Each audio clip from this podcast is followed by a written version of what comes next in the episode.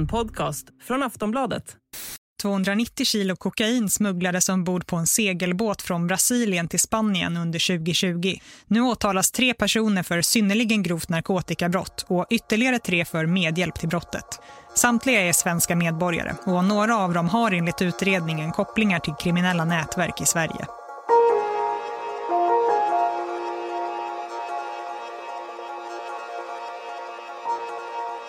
Segelbåten lastades med kokain värt flera hundra miljoner i gatuledet och färden över Atlanten blev strapatsrik. Kumpanerna tycktes trots många motgångar ändå lyckas med sin smugglingsresa. Vad de inblandade inte visste var att alla deras krypterade och mycket detaljerade meddelanden de sänt till varandra skulle användas emot dem flera år senare. Svensk polis hade inlett en operation tillsammans med flera andra myndigheter, både i Sverige och i utlandet. Och snart kom verkligheten i ligan. Det här är Knarkseglatsen, ett avsnitt av podden Aftonbladet Krim. Jag heter Anders Johansson.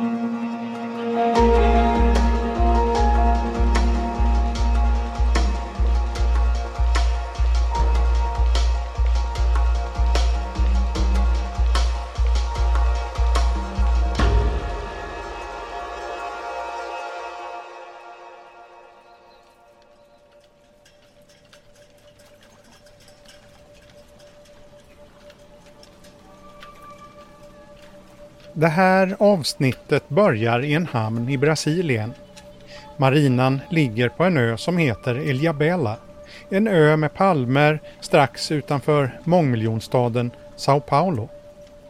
Året är 2020 och det är juli månad. Temperaturen så här års är behaglig med som mest 22 grader på dagen och svalare på natten, neråt 12.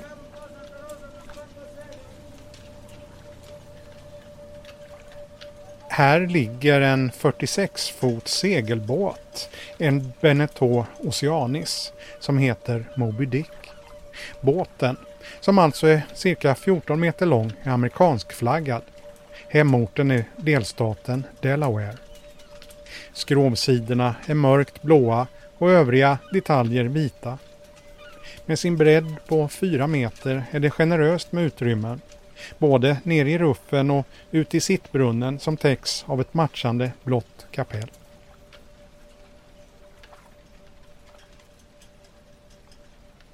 Båten har legat här i Brasilien i flera månader, sedan i mars, och har besökt några andra hamnar i landet före det.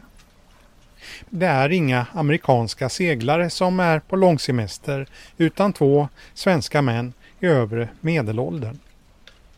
Planen var egentligen inte att ligga här någon längre tid utan ganska snabbt lasta ombord resväskor och fylla bränsletanken på 240 liter. Samt skaffa en massa extra dunkar, sammanlagt 700 liter diesel. Och sen gå ut på nästa etapp, att korsa Atlanten.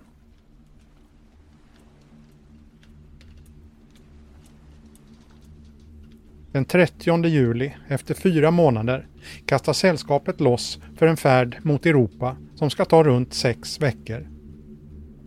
Utåt sett ser det ut som en vanlig seglats. Men under däck är det fullpackat med små bruna fyrkantiga paket. De två männen har flera hundra kilo kokain i lasten. Den hemliga planen som ska göra både dem på båten och deras kumpaner på land till miljonärer tycks gå i lås. Vad då ingen vet är att den här seglatsen kommer leda till att en av Sveriges historiskt sett mest ökända narkotikabrottslingar än en gång ska hamna i svenskt häkte.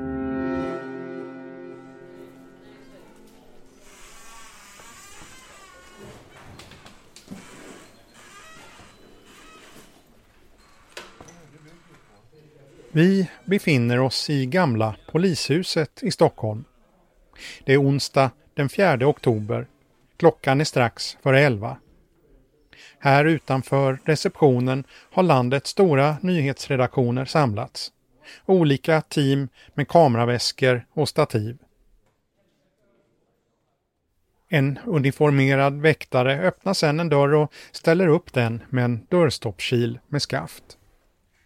Det blir en liten kö in till en enklare form av säkerhetskoll, där två andra väktare tittar igenom väskorna som ska tas vidare med in.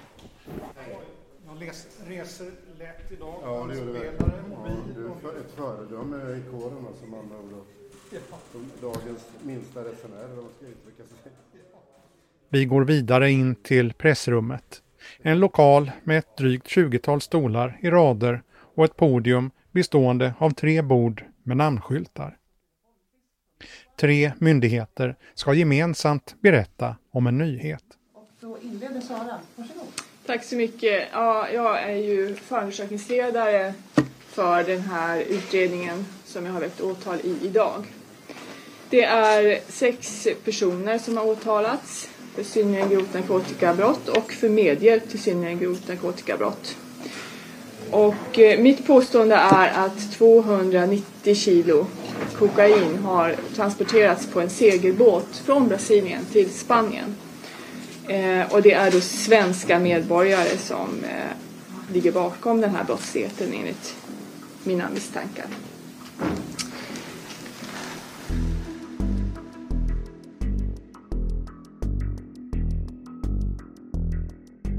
Det här avsnittet ska handla om hur ett jätteparti kokain värt flera hundra miljoner i gatuledet beställs från ett sydamerikanskt drogsyndikat. En smugglingstransport som sker med segelbåt över Atlanten och som bara är en av flera grenar av ett nätverks brottslighet i Sverige. Det hela kan avslöjas först flera år efter att det har hänt. Som i många andra uppmärksammade fall kunde bevisen hittas i knäckta krypterade chattar. Just det här fallet börjar i mitten av november 2019 när ett svenskägt bolag köper en båt i Turkiet. Åklagaren Sara Nilsson berättar. Det började med information om den här båten för min del som heter Moby Dick. Båten, som alltså går under namnet Moby Dick, är en robust segelbåt i blått och vitt. Den båten utifrån utredningen har köpts i Turkiet för kontanter. Nästan två miljoner svenska kronor i kontanter. Drygt två veckor efter att båten bytt händer hissar den segel och lämnar Turkiet. Ombord finns två svenska män i övre medelåldern. Vi kommer kalla dem kaptenen och gasten. De har många månaders resa framför sig. Ja, den här båten seglar jag från Turkiet efter att man har köpt den och eh, förs till Brasilien via ett antal hamnar på vägen. Det är ju en ganska lång seglats. Första stoppet sker i hamnen Agios Nikolas på ön Kreta i Grekland efter drygt en veckas segling. En månad senare verkar båten ha lagt till i Palermo, Italien. 2019 blir 2020 och på andra sidan nyåret ankommer båten till Ibiza. De båda männen uppger för tullpersonalen att de ska till Stockholm. Men nästa gång båten lägger till är det istället i Agadir i Marocko. Några veckor senare lägger båten till på Kanarieöarna. Här kommer den ligga ett tag. Under den här perioden skickas en mängd meddelanden mellan olika parter i det krypterade chattsystemet Sky ECC. Enligt åklagaren är det meddelanden från personer som på olika sätt är involverade i seglatsen. Både mellan de som är på båten och andra som befinner sig på svensk mark men som betalar för resan. Den 23 januari skriver en person. Perfekt maestro. Då var det klart med etapp 1. Under de här dagarna tycks båten ligga still i hamnen på Las Palmas. I den krypterade kommunikationen framgår att det saknas pengar för att fortsätta resan. En användare skriver att det behövs 15 till 20 000 euro för att köpa ett nytt segel, mat, diesel och annat. En annan svarar. Hur kan det bli så mycket? Jag vill se lite siffror nu, maestro. Det har sinat iväg med budgeten kraftigt. Men det hela verkar lösa sig. Under de följande dagarna handlar mycket av konversationen om huruvida de ska bygga lönnfack eller ej på båten. Det är stundtals frustrerat i chattarna, saker drar ut på tiden och pengarna rinner iväg. Men så, den 20 februari, efter mer än månad på Kanarieöarna, så seglar till slut Moby Dick igen.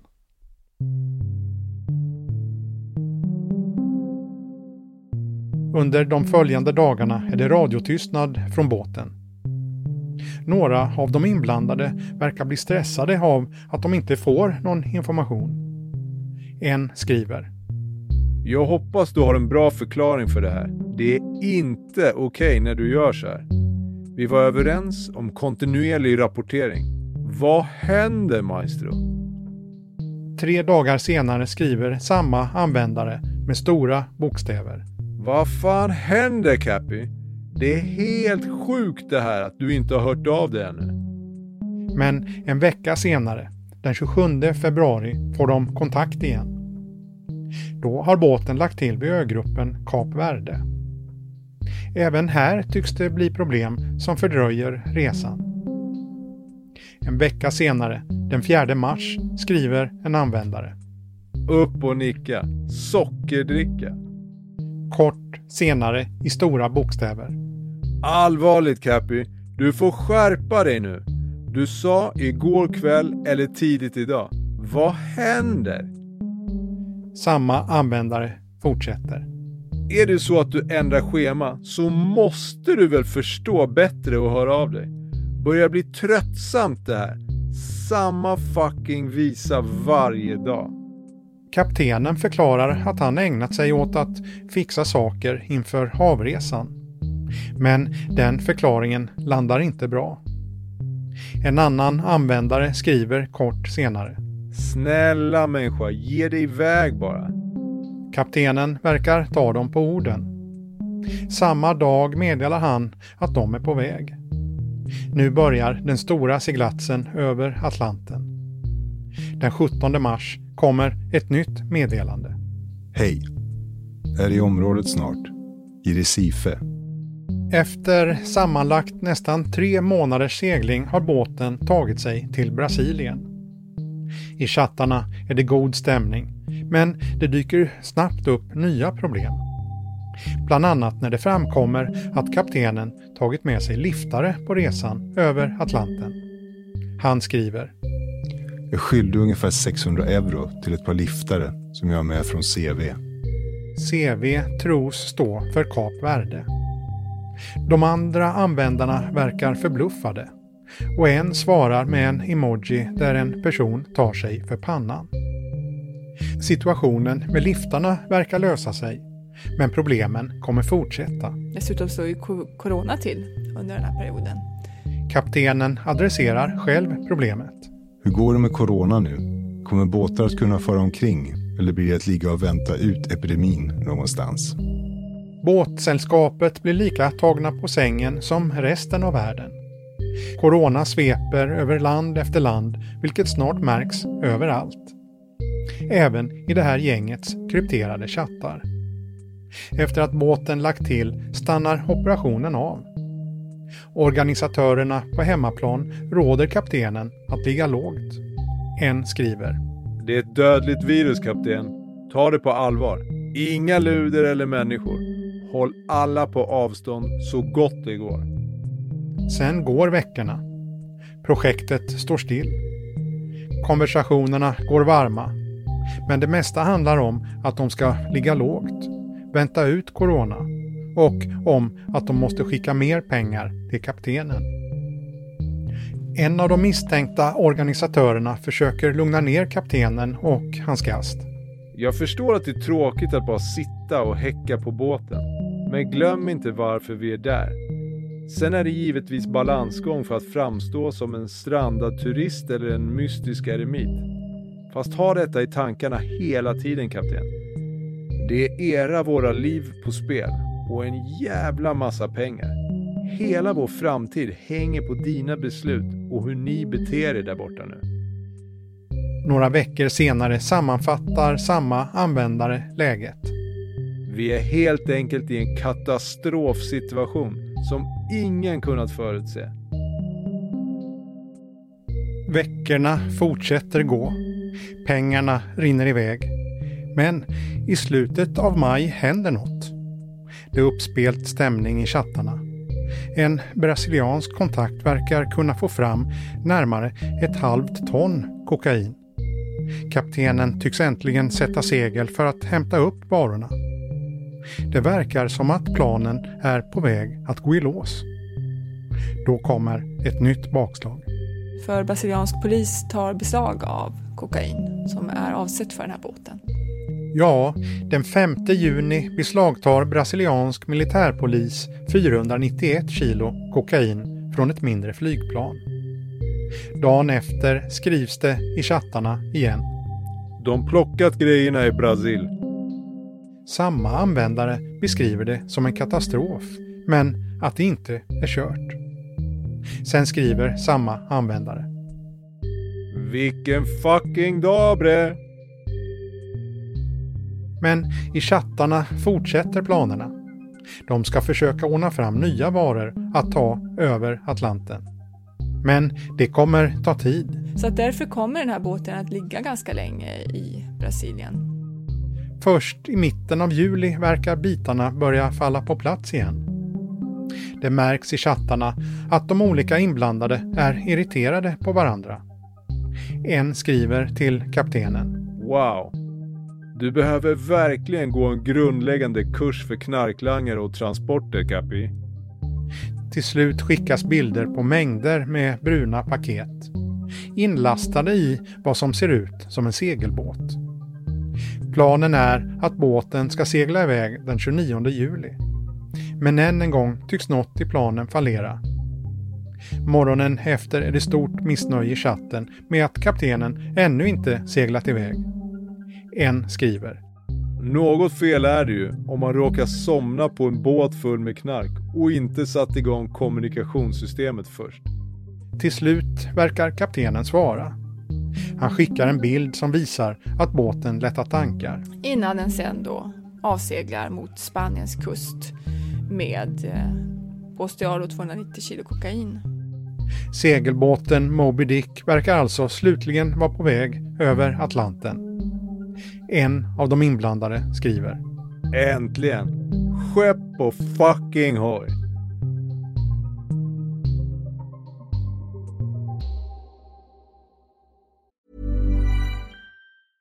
Ruby Frankie was known by millions as a very tough mom. That's exactly the way she wanted it. The social media star amassed a huge following of supporters and detractors alike, preaching the values of strict discipline. But you'll learn in a new podcast available exclusively on Wondery Plus how the small empire built by this momfluencer crumbled the moment her 12 year old son escaped their home and called 911.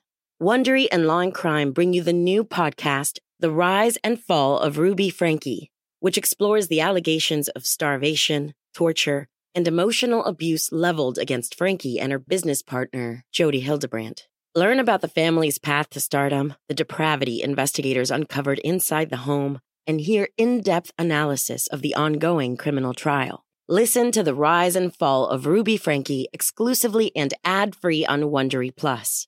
Join Wondery Plus in the Wondery app or on Apple Podcasts.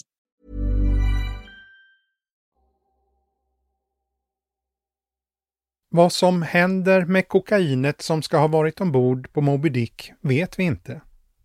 Det görs aldrig något tillslag där partiet beslagtas. Men i utredningen går det i efterhand att följa kokainets väg över Atlanten till Spanien. Vi kan ju följa spåren via de krypterade chattarna. Att det är personer i Spanien som ingår i det här sydamerikanska brottssyndikatet eller har ett väldigt nära samarbete med dem som tar emot narkotikan. Och sen kan inte vi följa den längre. Eh, Spanien är ju en hubb för kokain ut till resten av Europa. Eh, men vi har inte i utredningen kunnat följa narkotikans spår längre än så. narkotikan kanske stannade i Spanien eller fördes vidare till andra länder. Även om destinationen är oklar gör åklagaren gällande att just den här sortens kokaintransporter är en del av grov organiserad brottslighet som styrs från Sverige. Det ska ta viss tid innan polisen kommer de misstänkta på spåren och det är framförallt de krypterade chattarna som leder polisen rätt. Genom chattarna menar åklagaren Sara Nilsson att man får en klar bild över hur organisationen i det aktuella fallet fungerat. Ja, en av dem är ju kapten på båten. Det är en, en 69-årig man som har seglingsvana kan man säga. Eh, och med honom påstår jag att det har varit ytterligare en person, en 58-åring från Stockholm, som inte verkar ha så mycket seglingsvana. Eh, sen har vi ju då en, en av de åtalade är ju åtalad för att ha varit organisatör som då haft påstår kontakt med det sydamerikanska brottssyndikatet eh, och också då gett direktiv och finansierat det här projektet. Eh, därutöver så är det tre personer som har agerat från Sverige. Två av dem är också åtalade för andra brott i Sverige, synnerligen grova narkotikabrott och grovt vapenbrott. Och de misstänks bland annat för att ha hjälpt till att ha finansierat det här brottet eh, på så sätt att det är inkomster från brottsligheten i Sverige som används för att försörja personerna på båten och, och betala reparationer av den här båten. Åklagaren gör gällande att det juridiskt sett rör sig om synnerligen grova narkotikabrott. I det här fallet handlar det om 290 kilo, som i gatuledet kan kosta omkring 1000 kronor grammet.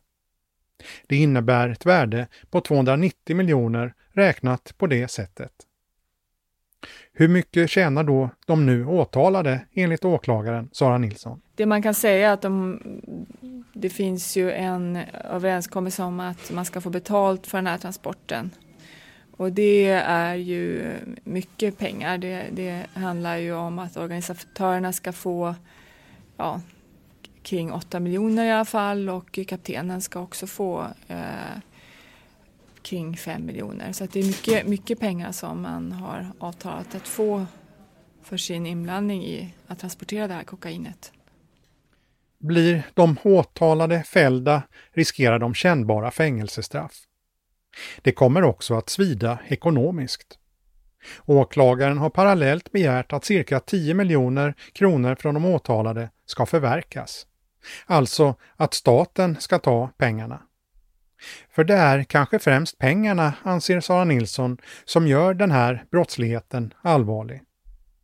Pengar ger makt och leder till ny brottslighet av annat slag i Sverige. Den är vinstdrivande. Man ser också att en återinvestering av brottsutbytet i annan brottslighet som är Sverigebaserad. Eh, det är eh, kommer alltid ett visst våldskapital med den här typen av brottslighet. Så att det, jag tänker inte gå in på antal år som jag ska begära men jag tycker att det är den allra allvarligaste formen av narkotikabrottslighet som vi ser här i Sverige. Det är ett ord som ofta används, återinvestering i mm. brottslighet. Vad, vad, betyder det rent konkret? Alltså rent konkret så är det ju så att om man ska bedriva ett företag så behöver man pengar in för att kunna betala det man ska köpa in. Och det ska också vara vinst för de som driver det här företaget. Och rent konkret så tycker jag att det ser ut att vara på precis samma sätt i de kriminella nätverken. Man behöver pengar in. Det kostar eh, att driva runt ett, ett kriminellt nätverk. Det är en massa utgifter. Och det är naturligtvis också så att de som är inblandade i det här vill ha, göra en vinst. Eh, så det är ju det, och rent konkret i det här ärendet så, så kan man ju se då att, att eh, i chattarna hur det eh, skickas direktiv om att pengar som kommer från narkotikaförsäljning ska hanteras på olika sätt, placeras på olika ställen och bland annat då skickas till de här personerna på båten. Och det finns också indikationer på att eh, det här vederlaget som man får för transporten, att det återinvesteras i brottsligheten i Sverige. Det här ger pengar åt alla och pengar ger ju också möjligheter och makt. Så det är det som jag tycker gör att den här brottsligheten är så allvarlig.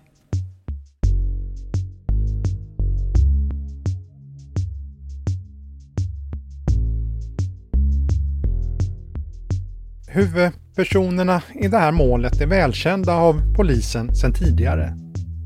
Två av dem sticker ut. Den 69-årige kaptenen Axel Eriksson, som tidigare hette Jörgensen, kallas Pinocchio och har skapat rubriker i snart två decennier. Exempelvis 2006 då han fritogs av k-pistbeväpnade personer som rusade in i Västmanlands tingsrätt under pågående rättegång mot honom. Senast dömdes han 2008 till 13 års fängelse och har kallats en av Sveriges största droghandlare. En av dem som misstänks ha beställt och finansierat kokainseglatsen har omskrivits som pokerproffs. 51-årige Thomas Sajek.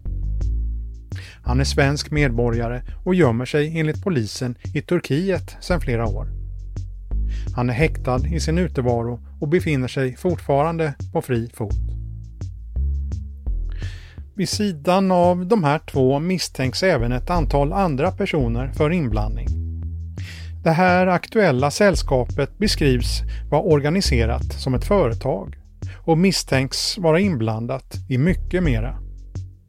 När åtalet gällande segelbåten presenterades beskrev Sofie Holmqvist, biträdande chef vid utredningssektionen vid polisens nationella operativa avdelning NOA, nätverket så här. De personer som nu åtalas bedömer vi har tydliga kopplingar till den organiserade brottsligheten som sträcker sig långt utanför bara narkotikahantering. Vi ser aktörer som har ett betydande våldskapital vilket innebär att de både anstiftar och begår grova våldsbrott. Vi ser utöver narkotikahanteringen eh, omfattande eh, pengar kopplad till kriminell ekonomi. Vi ser stölder, bedrägerier, utpressningar, olika typer av välfärdsbrottslighet och i stort sett all annan brottslighet som genererar brottsvinster. Och som ni vet så renderar pengar i våld. Det är centralt för de här individerna. Vi ser också att många av de här personerna eller nätverken återkommer i flera ärenden. Det är precis det Sara också beskriver. Och vi ser omfattande eh, internationell organiserad brottslighet. Den här operationen och alla de utredningar som den har lett till visar hur den allvarliga brottsligheten med grovt våld som pågår i Sverige idag hänger samman med maktkamp om stora penningbelopp. Sofie Holmqvist vid NOA berättar att svenska tullkriminalen och ytterligare åtta myndigheter i flera olika länder har medverkat i den här operationen som pågått en längre tid. På vägen har det lett till att flera andra kriminella verksamheter har kunnat upptäckas och de inblandade dömas. Hon framhåller vikten av att också slå mot de kriminellas ekonomi. Hon nämner några exempel, däribland något som vi berättat om i ett tidigare avsnitt av den här podden, som vi kallade De kriminella gängens bankirer. Ett växlingskontor i Stockholm. I den här operationen har flera sådana ärenden bedrivits som handlar om att reducera de här personernas förmåga att omsätta sina kriminella pengar. Det behövs en verksamhet som tvättar stora penningbelopp som narkotikaförsäljning eh, genererar. Och det har vi sett flera exempel på i den här operationen. Det kanske mest uppmärksammade ärendet det är eh, ett ärende som rörde ett växlingskontor i Stockholm eh, som tvättade kriminella nätverks eh, pengar efter narkotikaförsäljning. Och i det här fallet, det här nätverket som vi har arbetat med i den här operationen, det var också grunden för det ärendet. I det ärendet dömdes det tio personer i fjol till fleråriga fängelsestraff och åtalet avsåg över 220 miljoner kronor. Det här har tidigare varit uppmärksammat i media. Stora summor kontanter togs också i beslag då. Ett annat ärende som har bedrivits inom ramen för den här operationen är handel med svartkontrakt som eh, har eh, renderat i Stockholms innerstad där svartkontrakt har försäljts. Det är ett ärende där två kvinnor dömdes i fjol. Det här är också ett sätt att omsätta kriminella pengar. De här ärendena är ju sedan tidigare kända. Det som inte har varit känt sedan tidigare, det är att det här har varit en större operation som vi har arbetat med tillsammans, där de här ärendena har varit en del av det. Alla de här ärendena är en effekt av att vi har riktat myndighetsgemensamt arbete i kombination med storskaligt internationellt samarbete i syfte att reducera de här nätverken. Bara i Sverige har det renderat i över 150 fängelseår utdömda av tingsrätten. Det här arbetet fortgår. Det är centralt för oss att fortsätta arbeta och vi ser att eh, vi gör skillnad i det här arbetet.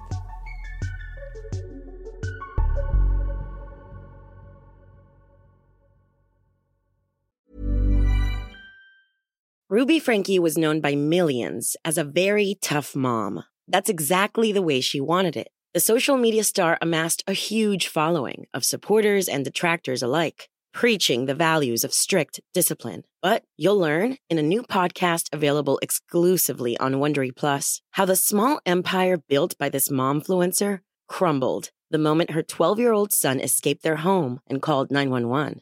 Wondery and Law and Crime bring you the new podcast The Rise and Fall of Ruby Frankie, which explores the allegations of starvation, torture, and emotional abuse leveled against Frankie and her business partner, Jody Hildebrandt. Learn about the family's path to stardom, the depravity investigators uncovered inside the home, and hear in depth analysis of the ongoing criminal trial. Listen to the rise and fall of Ruby Frankie exclusively and ad free on Wondery Plus. Join Wondery Plus in the Wondery app or on Apple Podcasts. Hur det kommer gå i det här målet vet vi inte när vi spelar in det här avsnittet. Det förväntas bli en lång rättegång så domen i målet är fortfarande många veckor bort. Det förtjänar därför att påpekas att de inblandade ska betraktas som oskyldiga. Vi lämnar därmed berättelsen om just den här kokainseglatsen. Men vi ska fortsatt hålla oss till samma ämne. För vissa av detaljerna i det här målet känns bekanta. En segelbåt avsedd för fritidsbruk som går över Atlanten med kokain i lasten. Hur vanligt det här smugglingssättet är vill polis och åklagare inte uttala sig om eftersom det finns få kända fall och ett förmodat stort mörkertal. Men vi vände oss till en person som får sägas vara expert i ämnet. En person som fått en närmast unik insyn i den här ljusskygga branschen. Hallå, hallå, det är jag som är Anders. Du hittade rätt. Ja, det gjorde jag. Jaha, det är faktiskt vad lätt att komma ihåg. Ja. Vi är i Göteborg, i stadsdelen Majorna, med utsikt över inloppet till staden. Den vi är här för att träffa har genom åren haft en mängd olika jobb. Han räknar upp några av dem. Jag har lång bit eh, inom restaurangbranschen. Jag har jobbat med alla positioner där. Sista här i Göteborg var jag hovmästare på Park. Jag har varit eh, elektriker, servicetekniker på AG i Osby. Jag har varit lärare på Chalmers och så vidare. Jag har byggt. Jag har byggt två hus själv. Eh, jag jobbar med det mesta och det är en fördel när man är på sjön att man kan klara det mesta. Mäta en elektrisk krets eller, eller snickra lite. Rösten tillhör en 67-årig man som heter Maurits Andersson. I media omskriven som ensamseglaren. 2010 blev han rikskändis när han greps med över ett ton kokain på en segelbåt i den uppmärksammade Operation Playa. Ett fall där polisen använder sig av infiltratörer för att avslöja en enorm narkotikahärva. Maurits var den som i slutändan dömdes hårdast. Han fick 14 års fängelse. Ett straff som han nu avtjänat. När Maurits Andersson fick frågan om han kunde genomföra transporten var han sedan flera år bosatt utomlands. Han hade bland annat en egen verksamhet i Florida där han reparerade stormskadade båtar som han sen sålde vidare Jag började från Bahamas där. Jag smugglade lite Haiti och fick ett startkapital och sen köpte jag kraschade båtar. Så jag hade väl tio anställda i Fort Pierce som jobbade med kraschade båtar. Då. Sa du att du gjorde en smugglingsresa först? Ja, jo, jo nej, jag har smugglat flera haitier från Bahamas till Florida. Men jag har inte åkt fast för det. Och det, det, det, det hemska är väl att kommer jag till Miami eller Fort Lauderdale eller så kommer det alltid fram massa folk och kramar mig. Åren gick och under 2010 var det Martinique i Karibien som var hans hemvist. Jag var nästan uteslutande på Martinique. Eller jag var ju runt Bahamas, Florida. Eh, men sen var jag på, jag hade en tjej på Martinique. Vad levde du för liv då? Lugnt, sansat. Jag är ingen sån person. Så att det... Jag hade en tjej som jag umgicks med. Tog promenader ibland och tittade på raset som var på Martinique. Och så här. Exakt hur det gick till vill han inte berätta men eftersom det var känt att han var en skicklig seglare fick han en dag en förfrågan. Ja, det, det, det, blev, det blev förfrågan, förfrågan var om jag kunde segla över Atlanten och det kunde jag ju och då skulle jag få väldigt bra betalt. Och det var så mycket pengar så att jag tyckte det var intressant under rätt förutsättningar. Det var det som var sporren för mig. Vad var det för pengar? Eh, det var några miljoner. Fem kanske. Det handlade om ett större parti kokain. 1,2 ton. 1200 kilo. I missbrukarledet värt runt en miljard kronor. Jag skulle segla själv och jag vill inte veta mer faktiskt, ska jag vara ärligt. Jag vill inte att någon skulle veta vem jag var eller hur jag såg ut eller prata med någon i telefon eller någonting. Utan jag, det var bara en enda kontakt jag hade. Hur bedömde du risken att något skulle gå snett? Om ingen visste vem jag var i min tro så skulle det vara lite risk. För jag har seglat över Atlanten innan. Alltså, så att jag vet att det, man ser inte flygplan, ser inte en båt nästan. Och som sagt, eh, jag, jag gjorde det också officiellt. Jag la upp en hemsida som förklarade för andra båtar skulle segla också. Så, att, så det skulle inte vara något konstigt att segla över. Det var tillsammans med andra båtar fast inte riktigt samma tid. Då. Så det var mitt upplägg. Gömma mig i det officiella. Det bestämdes ett datum och en plats långt ute till havs ett avstånd som Maurits Andersson beskriver som mellan Göteborg och förbi Skagen. Sen gick det fort. En mängd småbåtar kör upp och lägger sig bredvid hans segelbåt och börjar lasta över. Det går snabbt att lyfta över allt. Fem, tio minuter.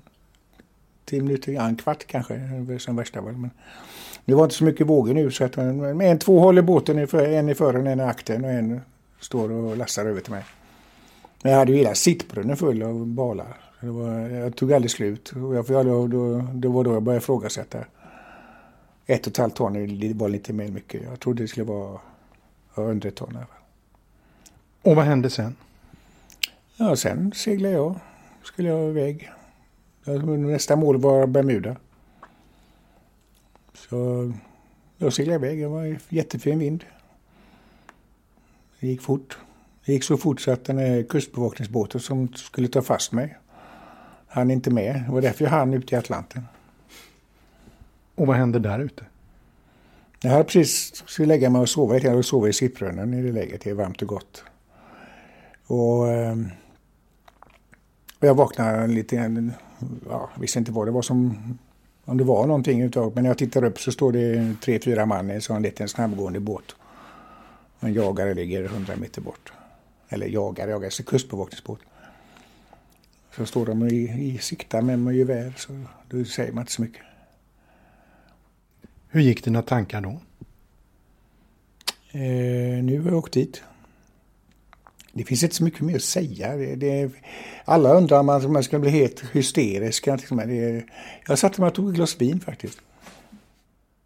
Det skulle bli ett av de sista glasen på länge. Maurits Andersson greps, blev åtalad i en lång rättsprocess som alltså slutade med 14 års fängelse. Fängelset som sådan, men jag var häktad i fyra år och fyra månader vad det var. Det tog väldigt hårt på krafterna. Det var en befrielse att komma till fängelset. Det tog på krafterna. Hur, hur var det rent konkret? Eh, för det första så fick jag ju akut D-vitaminbrist. Jag blev alldeles mjuk i benen. Jag kunde inte gå. Jag tappade tänderna. Och som sagt, för jag vet inte ni kan, om någon kan tänka sig sitta i en sån liten cell, där, tre kvadrat eller vad är det?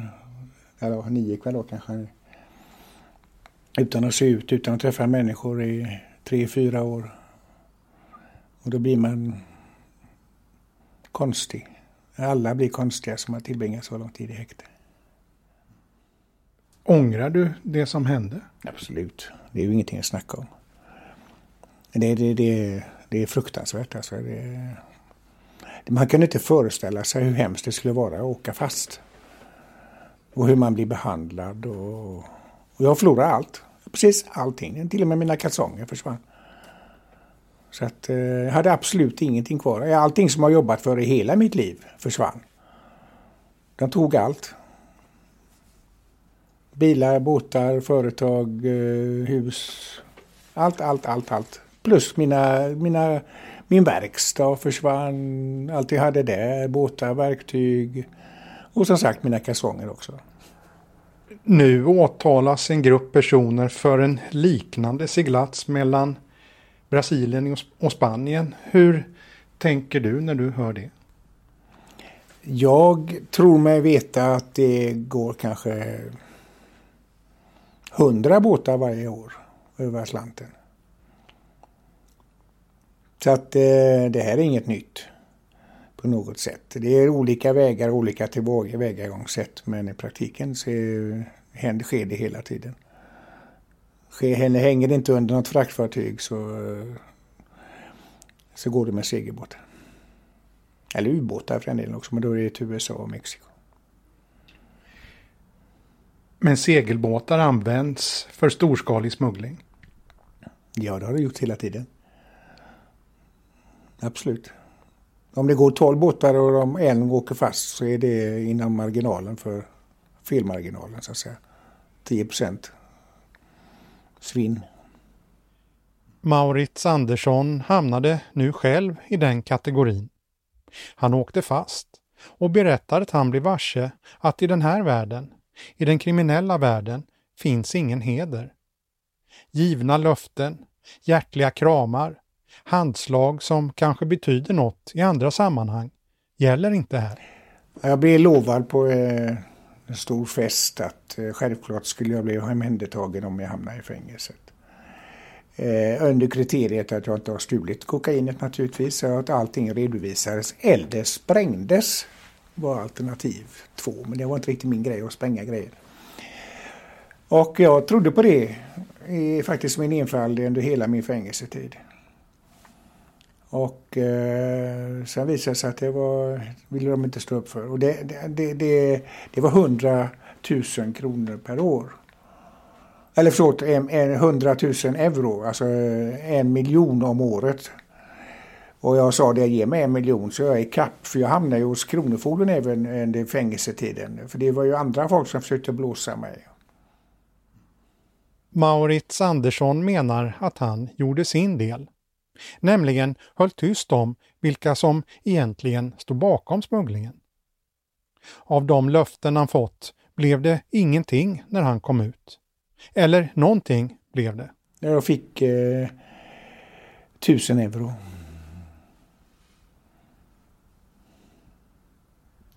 Och då vill jag betala i alla fall mina tänder, 70 000 eller vad det kostar. Det fick jag inte så mycket svar på. Du kände dig lurad? Om jag, om jag nu har hållit käften och tålt så mycket under tio år och inte fått eh, få någon respons överhuvudtaget utan kanske till och med blivit beskylld för saker som jag inte fattar. Det var mitt fel att jag åkte fast var väl det sista jag hörde. Och det förstod jag inte riktigt för det var inte mig de hade spån på egentligen.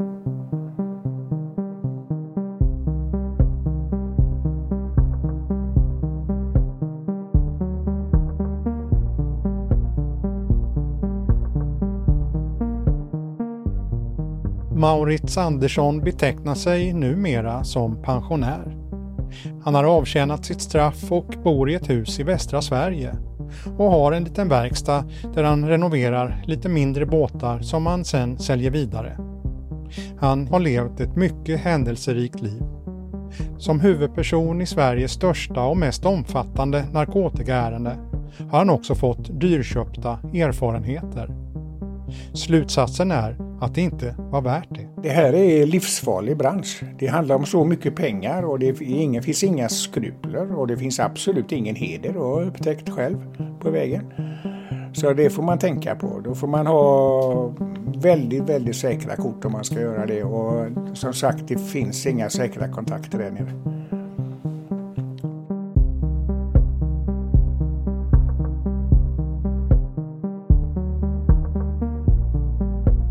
Du har lyssnat på ett avsnitt av podden Aftonbladet Krim. Klippet i programmet kommer från Sveriges Radio. Producent var Marcus Ulfsand. Jag heter Anders Johansson.